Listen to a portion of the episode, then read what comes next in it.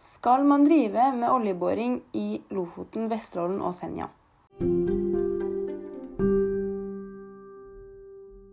Lofoten, Vesterålen og Senja er kjent for sin storslåtte natur, og hvert år kommer det hundrevis av turister, dykkere og fotografer for å oppleve det fantastiske landskapet. I dag står dette idylliske området i fare, da det ligger på et sted hvor man ønsker å drive oljeboring. Burde man lete etter oljen som allerede ligger der, eller burde vi verne om dette viktige og sårbare området?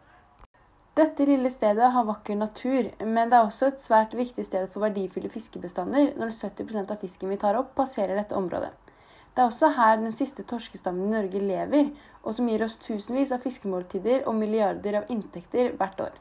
Politikere som er for oljeboring, mener at det er en mulighet for økonomisk vekst i Norge, men dette kan man også få til på andre måter.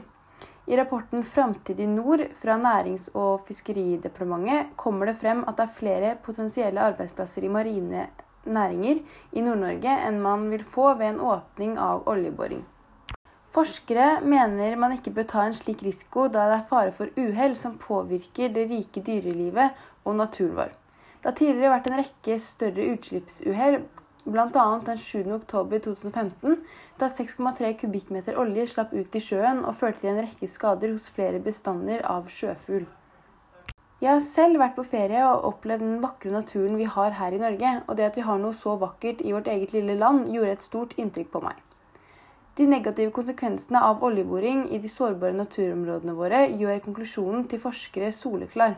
Bl.a. Havforskningsinstituttet, Miljødirektoratet og Fiskedirektoratet advarer mot at det skal åpnes opp for oljeboring i Lofoten, Vesterålen og Senja. Er det sånn at vi faktisk for en gangs skyld burde sette våre egne ønsker til side?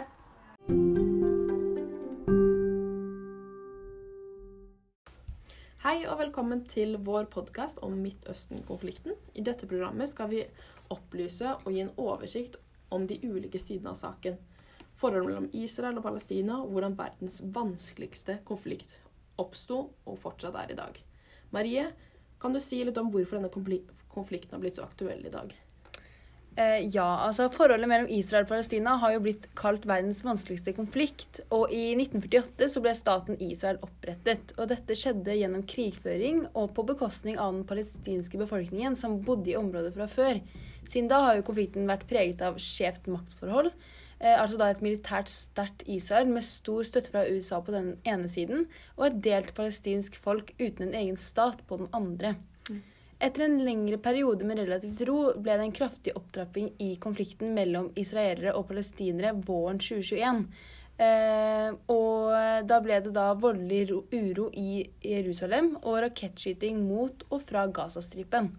Eh, og mange palestinere har jo levd under israelsk okkupasjon siden 1967. Og det sentrale spørsmålet i konflikten er jo hvem som har mest rett til å kontrollere og bo i området. Ja, Men hva sier egentlig lederne fra de to partiene om eh, denne konflikten? Eh, altså Begge lederne fra de ulike partene mener jo de har like mye rett på områdene. Eh, fordi at Jerusalem er jo hellig for både jødene eh, og staten Israel, eh, mens palestinerne mener at de har rett på dette området siden de eh, originalt bodde her da, fra starten av. Mm -mm. Lagre det klippet. Ja, det går an å redigere. Det var jo ganske greit.